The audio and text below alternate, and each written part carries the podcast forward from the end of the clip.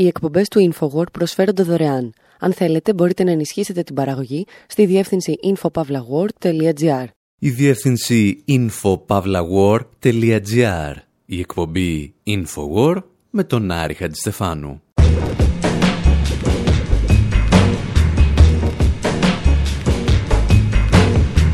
Όπου σήμερα σας μεταδίδουμε από την Ολλανδία μια ασθένεια. Μόλις επιστρέψαμε από τη χώρα με τους ανεμόμυλους και τις τουλίπες και είδαμε θεούς να δημιουργούν τους δικούς τους κόσμους και δαίμονες να δημιουργούν τους δικούς τους σεισμούς. Αναρωτιόμαστε αν η ανακάλυψη μεγάλων κοιτασμάτων φυσικού αερίου ή πετρελαίου είναι πάντοτε ευλογία ή εάν μερικές φορές μπορεί να αποτελέσει κατάρα για την οικονομία μιας χώρας.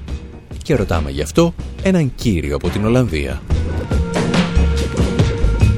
Και ύστερα παραμένουμε στο χώρο της ενέργειας, καθώς φέτος συμπληρώνονται 45 χρόνια από την μεγάλη πετρελαϊκή κρίση, που αποτέλεσε αφορμή για να αλλάξει η παγκόσμια οικονομία. Ιστορίες που διηγούμαστε με τη βοήθεια του Mad Max και ενός μετανάστη από τα Κύθυρα.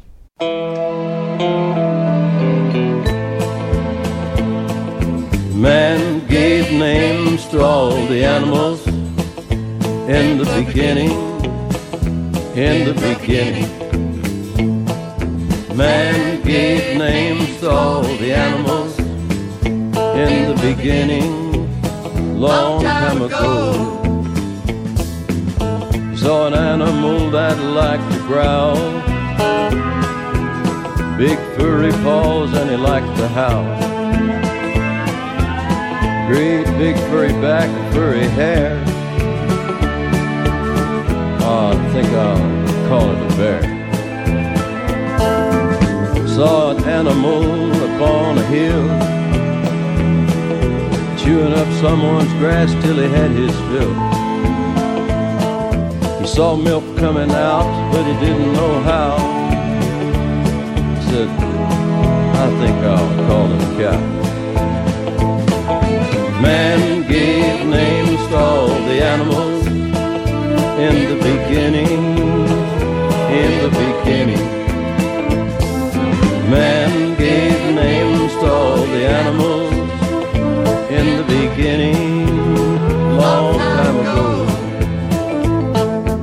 He saw an animal that liked to snort, horns on his head and it wasn't too short.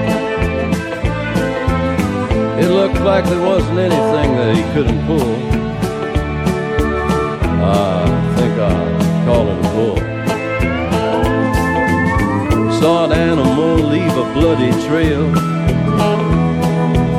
Real dirty face and a curly tail. He wasn't too small and he wasn't too big.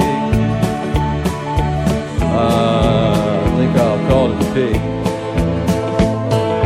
Man gave names to all the animals in the beginning, in the beginning.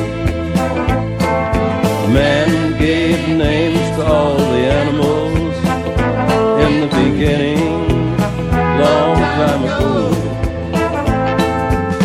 Next animal that he did. Ο Τζόνι Κάς διασκευάζει Bob Dylan στο περίφημο τραγούδι του Man gave names to all the animals. Οι άνθρωποι έδωσαν ονόματα σε όλα τα ζώα.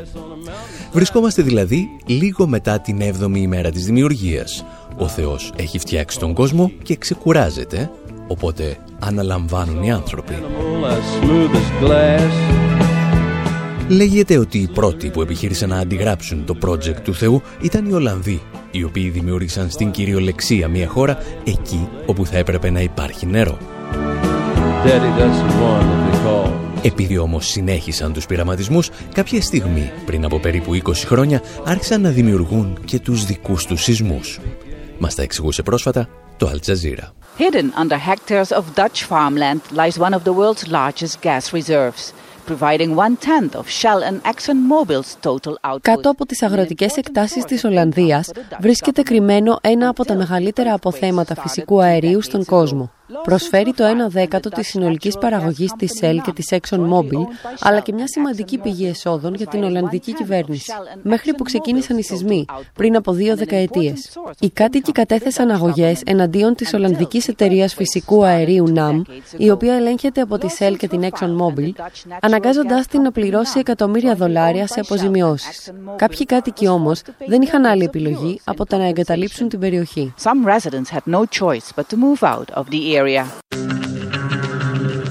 Το Αλτζεζίρα περιγράφει την εκπληκτική ιστορία του Χρόνιγκεν, μιας πόλης στη Βόρεια Ολλανδία, κάτω από την οποία βρίσκονται τα μεγαλύτερα αποθέματα φυσικού αερίου της Ευρώπης. Μια πόλη η οποία διαλύεται αργά αλλά σταθερά από σεισμούς οι οποίοι προκαλούνται από την άντληση του φυσικού αερίου από το υπέδαφος. Η κατάσταση είναι τόσο σοβαρή, ώστε η Ολλανδική κυβέρνηση υποσχέθηκε να εγκαταλείψει την εκμετάλλευση του κοιτάσματος στις επόμενες δεκαετίες. Γεγονός που ενδέχεται να προκαλέσει αλλαγές ισορροπιών σε ολόκληρη την αγορά ενέργειας στην Ευρώπη. Το Χρόνιγκεν όμως δεν θα μείνει στην ιστορία για τους σεισμούς που προκαλεί ο άνθρωπος στον εαυτό του. Θα μείνει ίσως στην ιστορία γιατί εδώ γεννήθηκε ο όρος Ολλανδική ασθένεια. Και επειδή πιθανότατα δεν γνωρίζετε τι σημαίνει, σκεφτήκαμε ότι θα θέλατε να το μάθετε από τα χείλη ενός ειδικού. Την περασμένη εβδομάδα λοιπόν ταξιδέψαμε στην Ολλανδία για να συναντήσουμε τον Ρικ Βάντερ Πλόινγκ, πρώην Υπουργό της Κυβέρνησης των Εργατικών και έναν από τους σημαντικότερους οικονομολόγους που μελετούν τη λεγόμενη Ολλανδική ασθένεια. Well, the Dutch disease, uh... Η Ολλανδική ασθένεια ξεκίνησε στην Ολλανδία, η οποία ήταν ένας από τους μεγαλύτερους εξαγωγείς φυσικού αερίου. Αυτό συνέβη όταν ανακάλυψε τα τεράστια κοιτάσματα στο Χρόνικεν στα βόρεια της χώρας. Λόγω όμως της μεγάλης εξαγωγής φυσικού αερίου, υπήρχε μεγάλη ζήτηση για το εθνικό νόμισμα, γεγονός το οποίο πίεσε ανωδικά τη τιμή του. Το έκανε δηλαδή πολύ σκληρό. Το αποτέλεσμα ήταν η υπόλοιπη βιομηχανία στην Ολλανδία να γίνει λιγότερο ανταγωνιστική. Ήταν πλέον πολύ πιο δύσκολο να εξάγεις προϊόντα στο εξωτερικό. Παρά το γεγονός λοιπόν ότι ήμασταν πλούσιοι από πλευράς φυσικού αερίου, η βιομηχανία μας υπέφερε δημιουργώντας ενεργεία. Και έκτοτε αυτό ονομάστηκε Ολλανδική ασθένεια.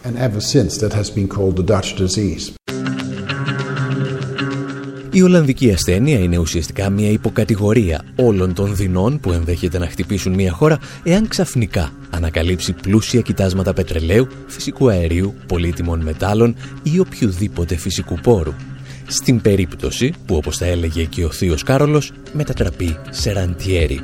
Δεν στηρίζεται δηλαδή στην παραγωγική της ικανότητα, αλλά στην πρόσοδο.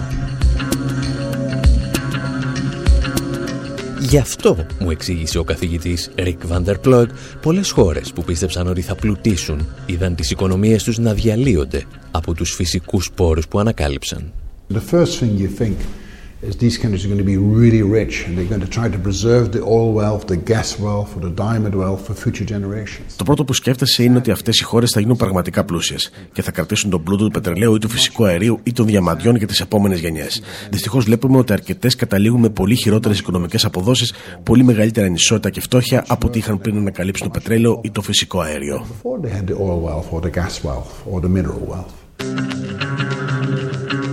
Προφανώς υπάρχουν και χώρες που ανακάλυψαν πετρέλαιο ή φυσικό αέριο και δεν υπέστησαν τις τρομακτικές συνέπειες της Ολλανδικής ασθένειας ή παρεμφερών παθήσεων. Ακούστε το παράδειγμα και πείτε με το χέρι στην καρδιά εάν αισθάνεστε ότι ζείτε σε μια τέτοια χώρα. Well, some people succeed, so people often mention Norway as an example Ορισμένες χώρες φυσικά τα καταφέρνουν. Πολλοί μάλιστα φέρνουν το παράδειγμα της Νορβηγίας για το πώς να το κάνει σωστά. Αυτό που έκαναν στην Νορβηγία είναι να βάλουν όλα τα λεφτά σε ένα ταμείο. Στην πραγματικότητα ήταν ένα κρατικό επενδυτικό ταμείο. Δηλαδή επενδύεις τα χρήματα στο εξωτερικό και τα διαμοιράζεις όσο το δυνατόν περισσότερο και έτσι μπορείς να μοιράσει τα κέρδη στις επόμενες γενιές. Όταν λοιπόν η ροή πετρελαίου θα τερματιστεί, θα έχεις ακόμη κεφάλαια για τις μελλοντικές γενιές.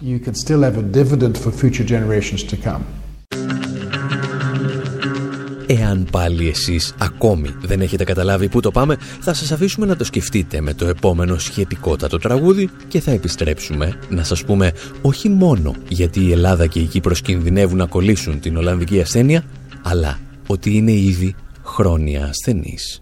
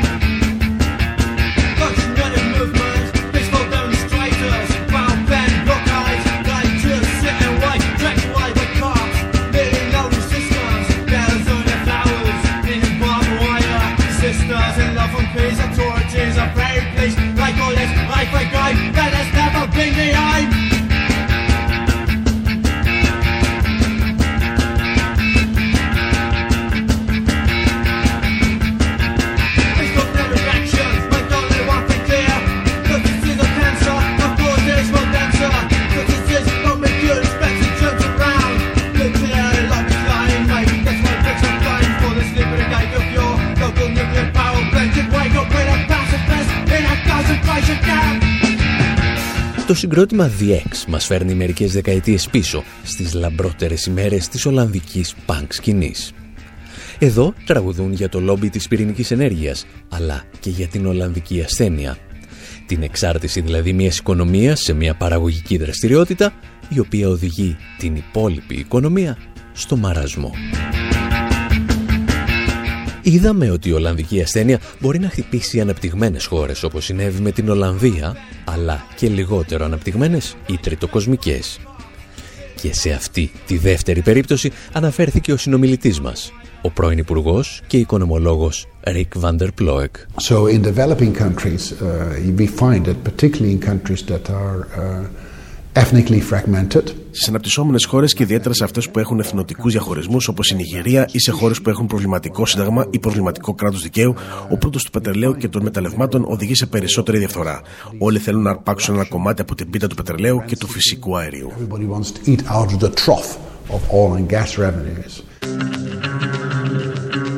Αν για κάποιο λόγο δεν πιστεύετε ότι ζείτε σε μια υποανάπτυκτη χώρα, ίσως κάποιες άλλοι παράμετροι που έθιξε ο συνομιλητής μας σας βοηθήσουν να βρείτε τις ομοιότητες και τις διαφορές.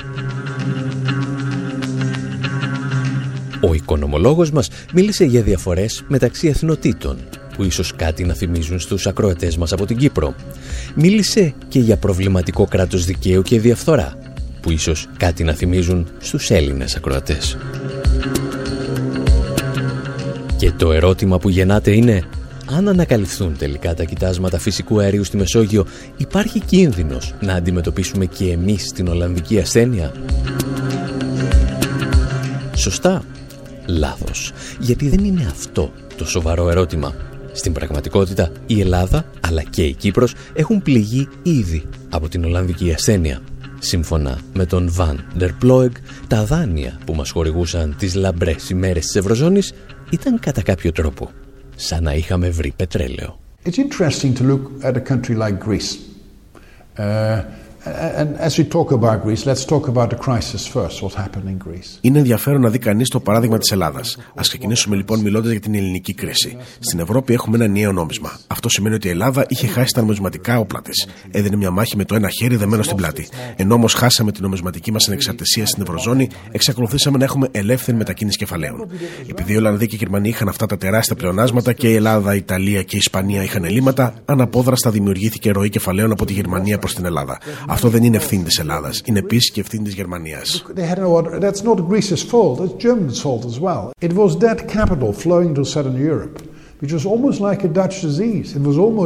Αυτή η ροή κεφαλαίων προς την Νότια Ευρώπη ήταν μια μορφή της Ολλανδικής ασθένειας. Ήταν σαν να είχε μια ξαφνική ζωή ξένου πλούτου, ο οποίος κατευθυνόταν προς το Ευρωπαϊκό Νότο. Το αποτέλεσμα ήταν ότι πυροδότησε φαινόμενα όπως η φούσκα στην αγορά κατοικίας στην Ισπανία. Όπως συνέβη και με την Ολλανδική ασθένεια, η αληθινή ισοτομία των νομισμάτων αυτών των χωρών επιδεινώθηκε.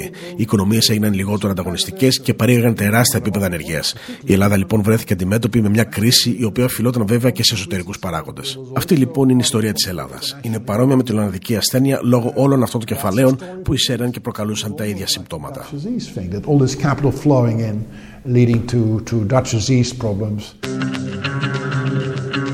Η Ελλάδα λοιπόν και ως ένα βαθμό και η Κύπρος πίστεψαν προς στιγμήν ότι έπιασαν την καλή με το φθηνό χρήμα που έρεε στα πρώτα χρόνια της Ευρωζώνης. Έτσι όμως η οικονομία τους έγινε λιγότερο ανταγωνιστική Ολόκληροι τομείς της παραγωγής διαλύθηκαν και οι δύο χώρες εξαρτώνταν πλέον αποκλειστικά από τη ροή ζεστού χρήματος. Εάν αυτή η ροή σταματούσε, όπως συνέβη μετά το 2008, ο βασιλιάς θα αποκάλυπτε τη γύμνια του. Υπό μία έννοια είναι ότι έπαθε δηλαδή και η Βενεζουέλα όταν έπεσε η διεθνή τιμή του πετρελαίου.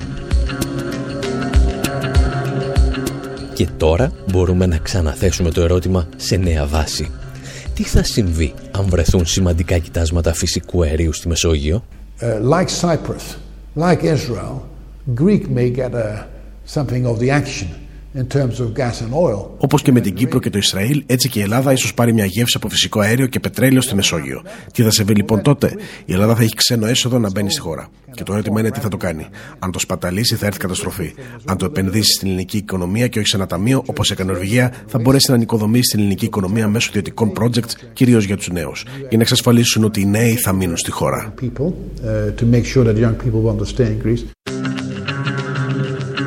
Προσέξτε ότι ο συνομιλητής μας δεν προτείνει να ακολουθήσουμε το νορβηγικό μοντέλο, αλλά να επενδύσουμε τα χρήματα για την ανοικοδόμηση της οικονομίας. Για να συμβεί βέβαια αυτό, θα πρέπει να υποθέσουμε ότι δεν υπάρχει διαφθορά, η οποία, όπως είδαμε, πάντα γιγαντώνεται σε αυτές τις περιπτώσεις. Και έστω ότι η διαφθορά αντιμετωπίζεται. Έχει νόημα, ρώτησα τον οικονομολόγο, να πανηγυρίζουμε για την ανακάλυψη φυσικών πόρων εάν η χώρα παραμένει υπό τον έλεγχο των δανειστών. There is of course a key challenge, uh, given that uh, Υπάρχει μια κρίσιμη πρόκληση. Η συμφωνία την οποία επέβαλαν στην Ελλάδα άνθρωποι όπως ο δικός μας υπουργός Γέρουν Ντάισεμπλουμ είναι μια χαμένη μάχη. Θα πρέπει οι Έλληνες να πληρώσουν για πολλές γενιές. Και φυσικά θα είναι τραγικό αν υπάρξουν έσοδα να μην χρησιμοποιηθούν για την ενοικοδόμηση οικονομίας και να πάνε στους δανειστές. Θα είναι θλιβερό. σω τελικά η Ελλάδα πρέπει να επιστρέψει στο τραπέζι των διαπραγματεύσεων. Greeks should go back to the negotiating table. I'm saying this in the backdrop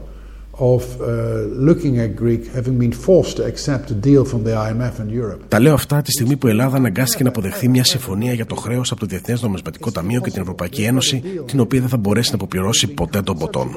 Η συμφωνία είναι τόσο κακή, ώστε ακόμη και το Διεθνές Νομισματικό Ταμείο το αναγνωρίζει. Το δούνο του ήταν ένας συντηρητικός δεξιός θεσμός και τώρα έχει φτάσει να λέει στις κυβερνήσεις ότι δεν μπορείτε να στραγγαλίζετε με αυτόν τον τρόπο την Ελλάδα. Τους ασκείται τέτοια πίεση ώστε δεν θα έρθει ποτέ η ανάπτυξη. They will never develop. Για να ανακεφαλαιώσουμε λοιπόν, η ανακάλυψη φυσικών πόρων όπως το πετρέλαιο και το φυσικό αέριο δεν είναι αναγκαστικά ευλογία και αυτό το γνωρίζουν ακόμη και οι ανεπτυγμένες χώρες όπως η Ολλανδία. Εάν αντιμετωπίζεις φαινόμενα διαφθοράς, αυτά θα οξυνθούν αν έχεις εθνοτικές διαφορές, ίσως οδηγηθούν σε συγκρούσεις.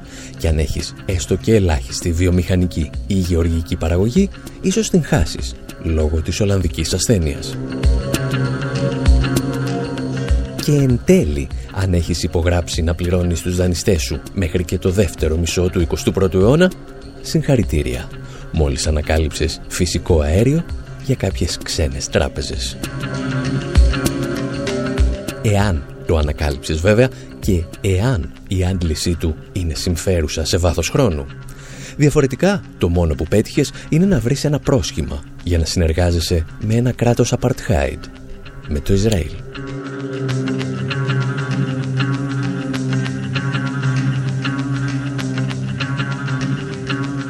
Εάν τώρα εσείς αναρωτιέστε πώς μας ήρθε να ταξιδέψουμε μέχρι την Ολλανδία, η απάντηση είναι ότι φταίτε και εσείς.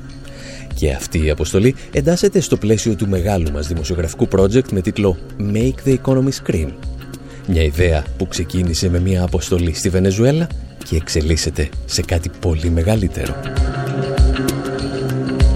Και αν θέλετε να ενισχύσετε και εσείς μια προσπάθεια ανεξάρτητης δημοσιογραφίας, μπορείτε να το κάνετε από τη διεύθυνση info.pavlawar.gr αλλά και από τη διεύθυνση maketheeconomyscream.com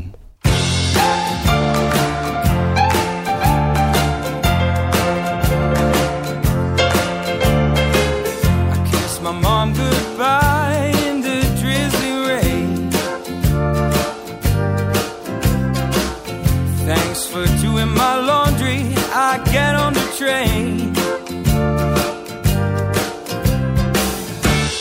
Groningen welcomes me, I say hi to all. Then I buy a magazine from the homeless clown. See the sun come up as I walk into town. Oh, Groningen, I love you. I can't stop thinking of you.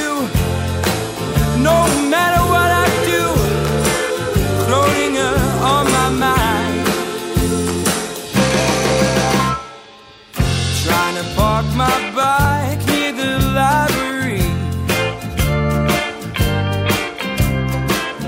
But 3,000 others were there before me. At last I opened my notebook in my favorite reading room.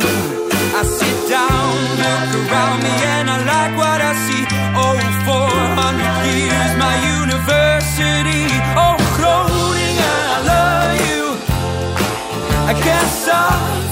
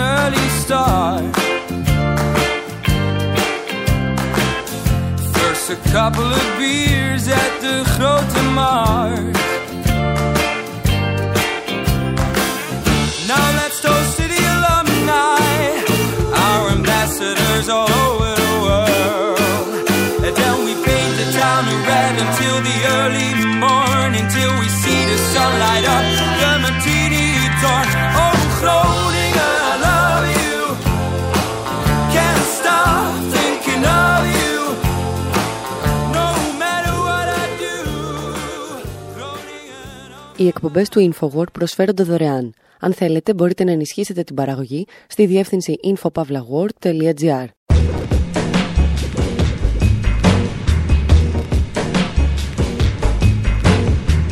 όπου σήμερα ταξιδεύουμε σε μια δυστοπία του μέλλοντος βγαλμένη από μια ουρά σε κάποιο βενζινάδικο του παρελθόντος. Τραγουδάμε και συζητάμε για τον Mad Max, την Τίνα Τέρνερ, τον πρόεδρο Νίξον αλλά και τον Ρόναλντ Ρέγκαν. Υποπτευόμαστε ότι η σειρά ταινιών που μας κατατρίχει εδώ και δεκαετίες δεν θα υπήρχε αν κάποιοι Άραβες δεν ύψωναν το ανάστημά τους απέναντι στο Ισραήλ και αν ο γιος κάποιου Δημήτρη από τα Κύθυρα δεν είχε φύγει μετανάστη στην Αυστραλία. Ουσιαστικά προσπαθούμε να συνδέσουμε το Mad Max και διάφορες άλλες σαβουροτενίες του είδους με την πετρελαϊκή κρίση του 1973.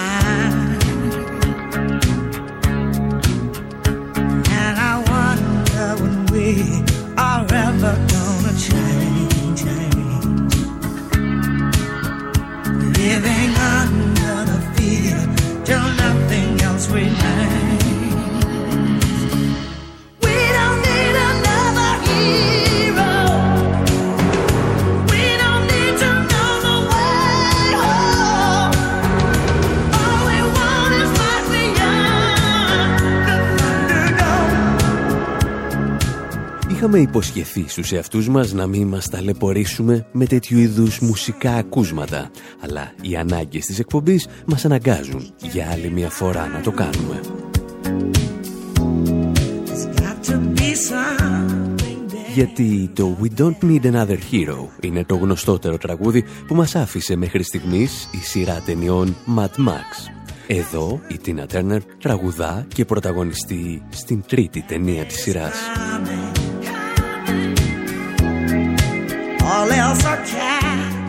Αυτό που εμάς μας ενδιαφέρει βέβαια δεν είναι οι μουσικές του 80, αλλά η ιδέα από την οποία γεννήθηκε η πρώτη ταινία.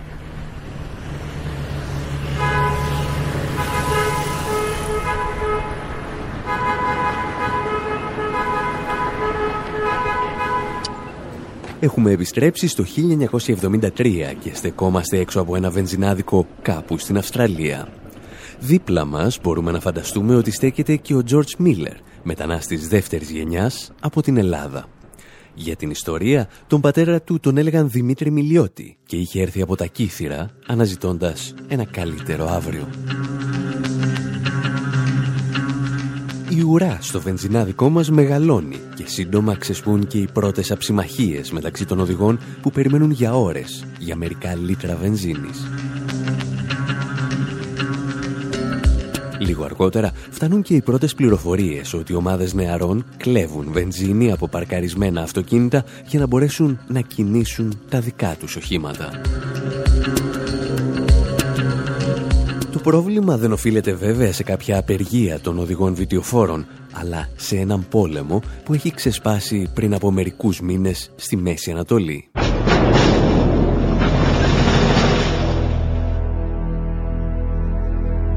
Saturday, the 6th of October 1973, Yom Kippur, the holiest day of the Jewish calendar. Israel's border troops, below strength during the holiday, came under surprise attack by Syrian and Egyptian forces. Τα αμερικανικά δελτία ειδήσεων περιγράφουν τον πόλεμο του Γιόμ Κιπούρ μεταξύ του Ισραήλ και των γειτονικών αραβικών χωρών. Και λίγο αργότερα αρχίζουν να περιγράφουν και μία ακόμη σημαντικότερη παράπλευρη συνέπεια αυτού του πολέμου. This is NBC Nightly News, Wednesday, October 17th. Reported by John Chancellor. Good evening. The Middle East War produced developments all over the world today. Καλησπέρα. Ο πόλεμος στη Μέση Ανατολή πυροδοτεί σήμερα εξελίξεις σε όλο τον κόσμο. Οι πετρελοπαραγωγές χώρες του αραβικού κόσμου αποφάσισαν να χρησιμοποιήσουν το πετρέλαιο σαν πολιτικό όπλο. Θα μειώνουν την παραγωγή κατά 5% το μήνα έως ότου το Ισραήλ αποχωρήσει από τα κατεχόμενα έδαφη. Εάν τηρήσουν την απόφασή τους, η παραγωγή θα μειωθεί περίπου κατά 50% σε ένα χρόνο. Σε εξέλιξη βρίσκονται ήδη διπλωματικοί ελιγμοί στα Ηνωμένα Έθνη, την Ουάσιγκτον και το Κάιρο. There were diplomatic maneuvers at the United Nations, in Washington and in Cairo.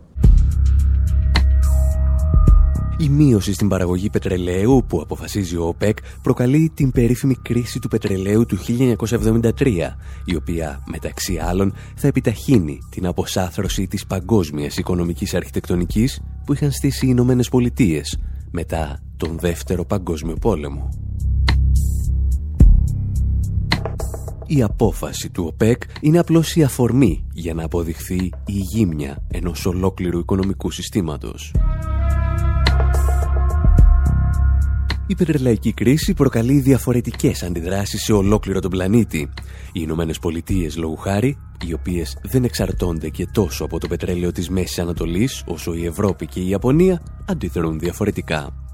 Πάντα βλέπετε, ο έλεγχος των πετρελαϊκών κοιτασμάτων της Μέσης Ανατολής ήταν για τις Ηνωμένες Πολιτείες ένα μέσο για να ελέγχουν τα αντίπαλα οικονομικά μπλοκ του πλανήτη.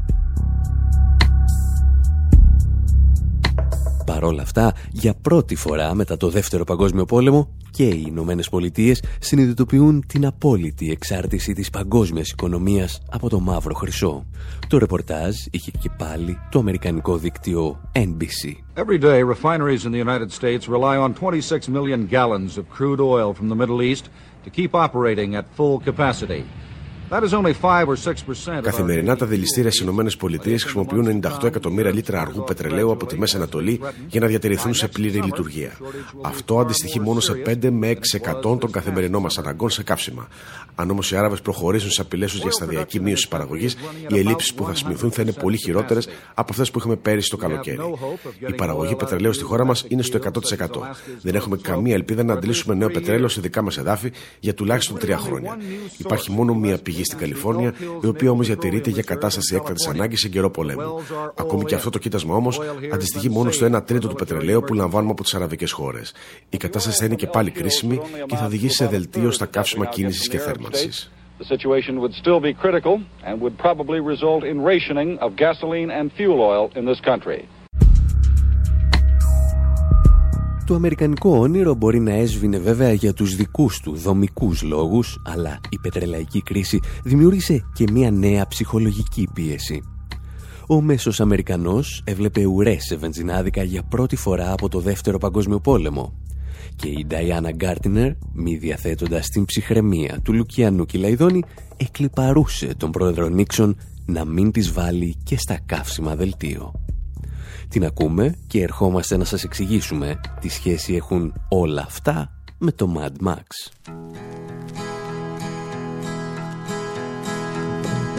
President Nixon, don't you ration my gas? You cut my buying power, but I just let that pass. I had faith in you through Watergate and when you fired Cox. But President, I'm right down to my last pair of socks. I don't drive on Sundays and I don't watch TV. My furnace thermostat is only set for 63. I brush my teeth by hand to save electricity. President Nixon, stop picking on me. President Nixon, don't you ration my fuels.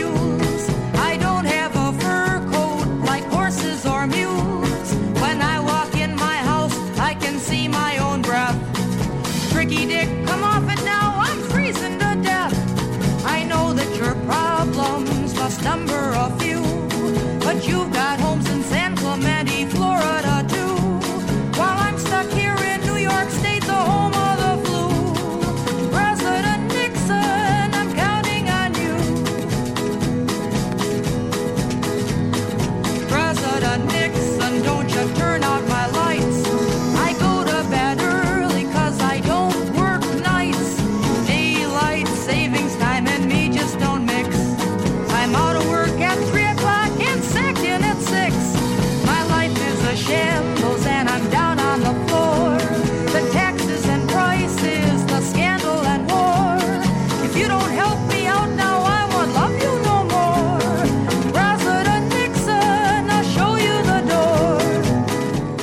Μια ελαφρώς απλουστευτική εικόνα της πραγματικότητας, στην οποία μόνο ένας Αμερικάνος Ρεπουμπλικάνος μπορεί να καταπέσει, η Νταϊάννα Γκάρτινερ καταλήγει να ευχηθεί καλή τύχη στον πρόεδρο Νίξον. Γιατί έχει λέει απέναντί του πανίσχυρα οικονομικά συμφέροντα. Their way, the oil men and bankers. Ακόμη και έτσι το τραγούδι εντοπίζει ένα ευρύτερο πρόβλημα που ξεκινά από την οικονομία και φτάνει σε μεγάλα σκάνδαλα της εποχής όπως το Watergate. Εμείς όμως, αν θυμάστε, αφήσαμε την ιστορία του Mad Max έξω από ένα βενζινάδικο, όχι στις Ηνωμένες Πολιτείες, αλλά κάπου στην Αυστραλία. Οι εικόνες από τις ελλείψεις καυσίμων στοιχειώνουν τη φαντασία του νεαρού τότε σκηνοθέτη George Miller. This country wanted something, you just furnished the name. Σε αυτές τις εικόνες, ο Μίλλερ θα προσθέσει και εικόνες από την επαγγελματική του εμπειρία. Εργάζεται ως γιατρός στα επίγοντα περιστατικά ενός νοσοκομείου στο Σίδνεϊ και καθημερινά υποδέχεται τα θύματα φρικτών τροχαίων ατυχημάτων και δυστυχημάτων. One other jokes. And if you don't hang right in there with Και από αυτές τις εικόνες θα προκύψει το 1979 η πρώτη ταινία Mad Max. Somewhere on the abandoned highways of tomorrow, where law is another word for vengeance. I'm gonna blow him away.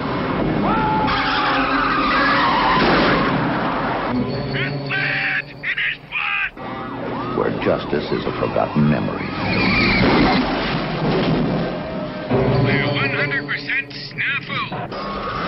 And order lies shattered in the ruins of civilization. Αν υπήρχε μια πραγματική αστυνομία πολιτισμού και καλλιτεχνικού γούστου, ο σκηνοθέτης ίσως να είχε συλληφθεί. Αν υπήρχαν διεθνείς οίκοι αξιολόγησης ταινιών, θα την κατέτασαν στα σκουπίδια, στα τζάνκ. Επειδή όμως τίποτα από αυτά δεν υπάρχει, η ταινία θεωρείται σήμερα μνημείο του καλτ πολιτισμού της δεκαετίας του 70 και του 80.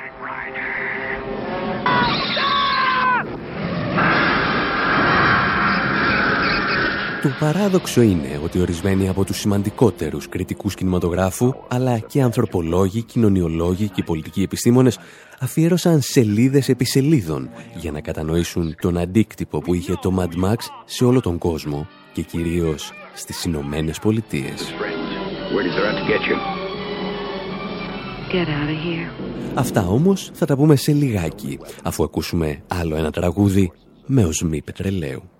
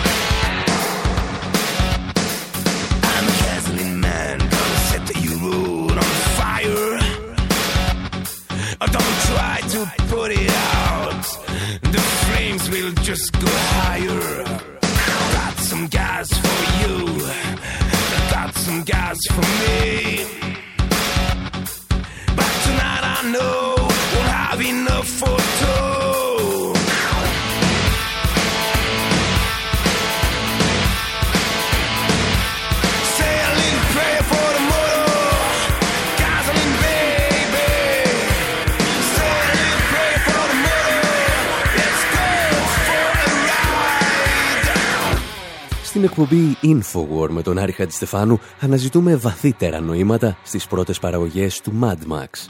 Και παραδόξως βρίσκουμε αρκετά. Υποστηρίζουμε ότι η αντίδραση μιας κοινωνίας, ακόμη και στο χειρότερο καλλιτεχνικό προϊόν, είναι ένας καθρέφτης που μας δείχνει την ψυχή της. Η τεράστια απήχηση που γνώρισε το Mad Max στο αμερικανικό κοινό συνδέθηκε άμεσα με το νέο συντηρητισμό, τον εθνικισμό αλλά και το σοβινισμό που έφερνε στην πολιτική ζωή της χώρας ο νεοφιλελεύθερος Ρόναλτ Ρίγκαν.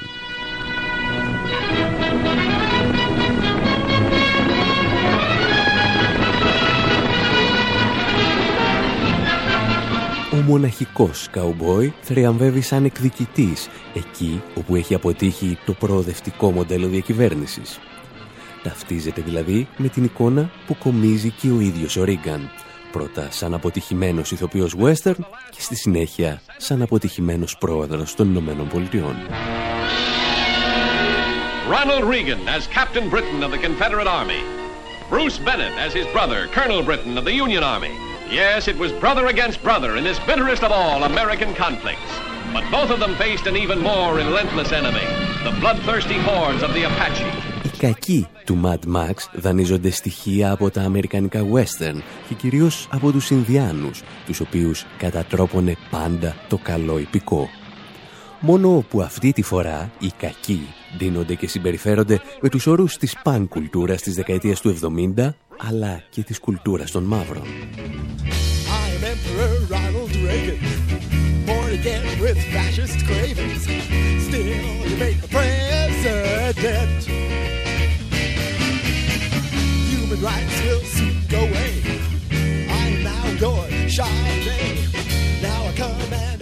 Η πανκ σκηνή της Αμερικής θα απαντήσει στον καθαρό νεοφιλελεύθερο Ρίγκαν με τραγούδια όπως αυτό των Dead Kennedys. Τον κατηγορούν για φασισμό, αυταρχισμό και θρησκοληψία. Ο Ρίγκαν όμως έχει στο πλευρό του το σύνολο της αμερικανικής βιομηχανίας του θεάματος για να απαντήσει. το μίσος του για την πολυπολιτισμική Αμερική περνά και στις ταινίες του Hollywood και με τεράστια μάλιστα επιτυχία. Ο λευκός εργαζόμενος πρέπει να πιστεί ότι για τα δεινά του φταίει η ηθική παρακμή, οι μαύροι που μπαίνουν σταδιακά στην αγορά εργασίας και κάτι μακρινοί Άραβες που του πίνουν το πετρέλαιο. Και το Mad Max, αν και γυρίζεται στην Αυστραλία, έχει όλα τα χαρακτηριστικά ενός σύγχρονου western, με πολύ καλούς και τον άλλο με αλφα κεφαλαίο στο ρόλο του πολύ κακού. Όπως θα γράψει ο καθηγητής επικοινωνίας και μέσων ενημέρωσης J. Emmett Wayne, ο δυνατός, βίος λευκός ήρωας του Mad Max είναι η απόλυτη ενσάρκωση του οργανισμού. Προστάτης της δημόσιας τάξης, η οποία απειλείται από κάθε τι κοινωνικά, πολιτικά και πολιτισμικά διαφορετικό. Μόνο που αγαπητοί μου λάτρεις του αμερικάνικου οργανισμού και κάθε είδους σκοταδιστικού καουμποϊσμού θα υπάρχει πάντα κάποιος να σας θυμίζει τη φράση «Punks not dead».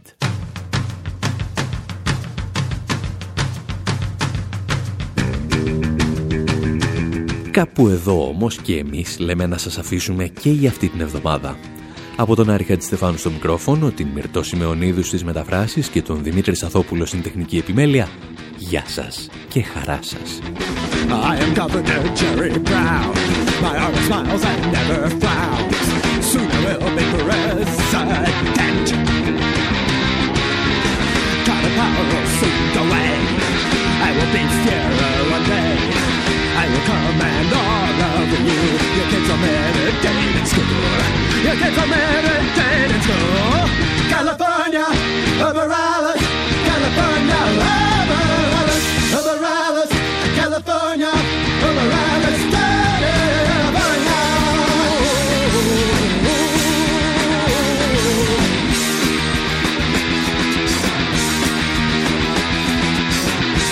Fascists will control you and reverse it natural. You will draw for the master race and always wear the happy face. Close your eyes, can't happen here. They go on while horses near. The hippies won't come back, you say. Mellow out or you will pay. Mellow out or you will pay. California, Alice. California. Over Alice. California,